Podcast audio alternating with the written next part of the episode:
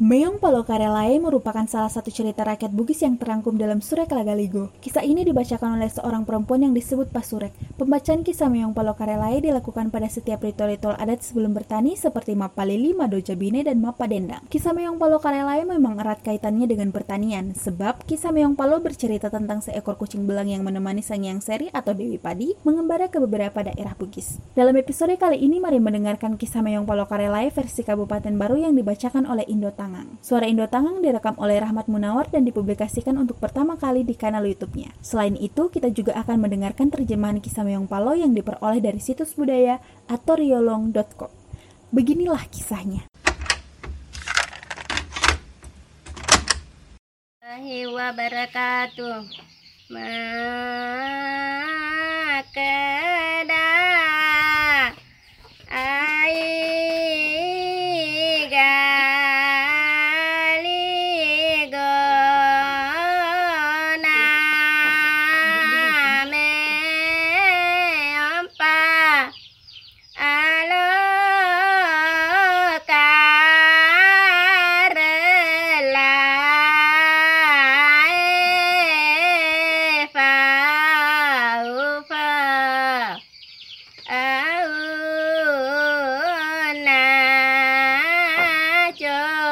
happy.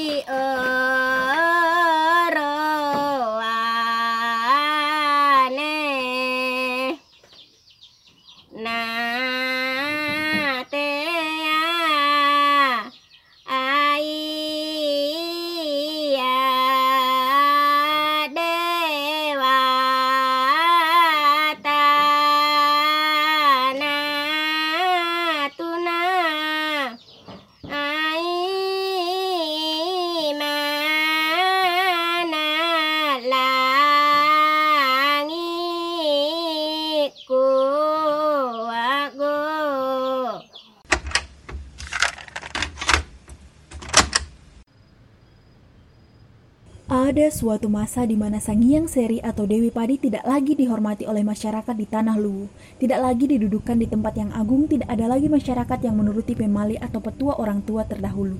Padi dibiarkan dimakan oleh tikus di malam hari dan dipatok ayam di siang harinya.